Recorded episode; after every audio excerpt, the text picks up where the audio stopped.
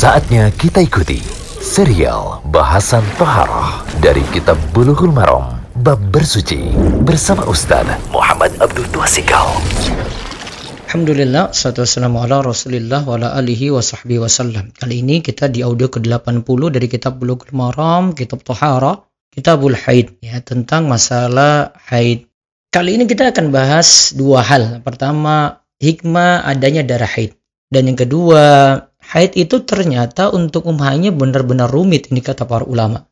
Yang pertama, haid itu tujuannya untuk apa sih Allah ciptakan? Ya, ada penjelasan dari mungkin para pakar dalam masalah ini dan ini disimpulkan oleh Syekh Abdul Al Fauzan dalam kitabnya Minha al Lam fi Syarah Bulughul Maram di jilid kedua. Beliau katakan Allah menjadikan darah haid pada wanita sebagai darah yang berbeda. Tujuannya adalah sebagai asupan makanan pada perut ibunya yang akan mengalir ke tubuh lewat tali pusar. Jadi ini asupan makanan untuk bayi pada perut ibunya yang akan mengalir ke tubuh lewat tali pusar. Nah, ketika melahirkan, asupan makanan ini berubah menjadi susu. Jadi, bayi kemudian dapat rizkinya dari susu. Oleh karena itu, sedikit sekali wanita yang hamil itu mengalami haid. Dari pernyataan ini, walaupun ada ya memang ya. Terus sedikit pula wanita yang menyusui mengalami haid. Nah, ketika wanita tidak dalam keadaan hamil atau menyusui, darah tadi tidak keluar dan tetap pada tempatnya. Nah, darah itu akan keluar pada waktu tertentu. Jadi, sejatinya haid dan nifas itu untuk asupan makanan. Dari sini makanya disebut itu darah normal ya. Tabiat, tabiat itu darah normal. Ya, tujuannya ini asupan makanan. Ketika asupan makanan ini tidak ada karena wanita itu tidak hamil, tidak menyusui, maka berubah menjadi darah. Akhirnya keluar pada waktu tertentu. Nah, itu hikmah adanya darah haid.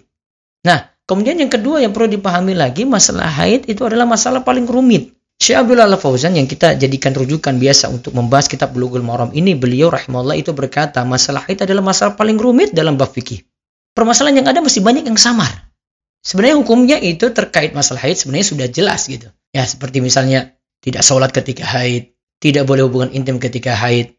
Namun ada perkara terkait hanya yang sudah disepakati. Namun juga ingat ya, yang jadi masalah adalah ketika darah yang keluar itu bukan darah haid. Lalu seorang mufti yang memberi fatwa menjadi sulit dalam menentukan hukumnya. Ya, karena mirip dengan darah haid kita bilang oh, ini haid bukan ya, haid bukan. Nah, itu membuat jadi rumit. Sulit untuk menentukan darah tersebut. Terus haid juga bisa jadi datangnya lebih awal ya. Misalnya uh, setiap bulan itu awal bulan gitu ya. Namun kok ini sekarang akhir bulan ini lebih awal dia datang gitu. Kadang telat ditunggu-tunggu oh belum datang. Eh, ternyata telat dua hari. Bisa seperti itu terjadi. Terus lamanya darah haid juga bisa jadi bertambah lama. Misalnya ada yang enam hari, akhirnya jadi delapan hari, bisa. Bisa jadi berkurang dari waktu kebiasaan. Tambah lagi, permasalahan zaman ini lebih rumit.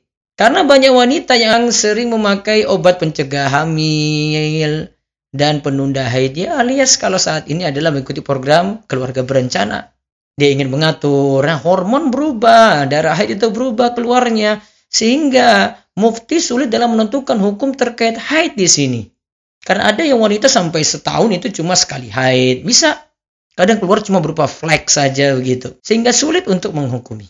Ya, jadi berubah zaman lagi tambah rumit malah bukan kita uh, makin bisa pecahkan itu ya namun karena problem-problem yang tadi pengaturan hormon ya yang ini dicegah yang itu uh, nunda hamil, ingin ngatur kehamilan dan seterusnya. Problem-problem tidak seperti di masa silam.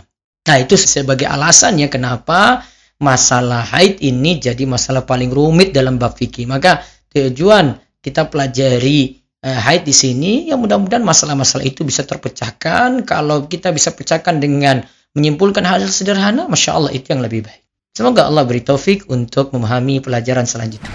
Demikian serial bahasan Toharoh dari Kitab Bulughul Maram Bab Bersuci bersama Ustaz Muhammad Abdul Tuasikal.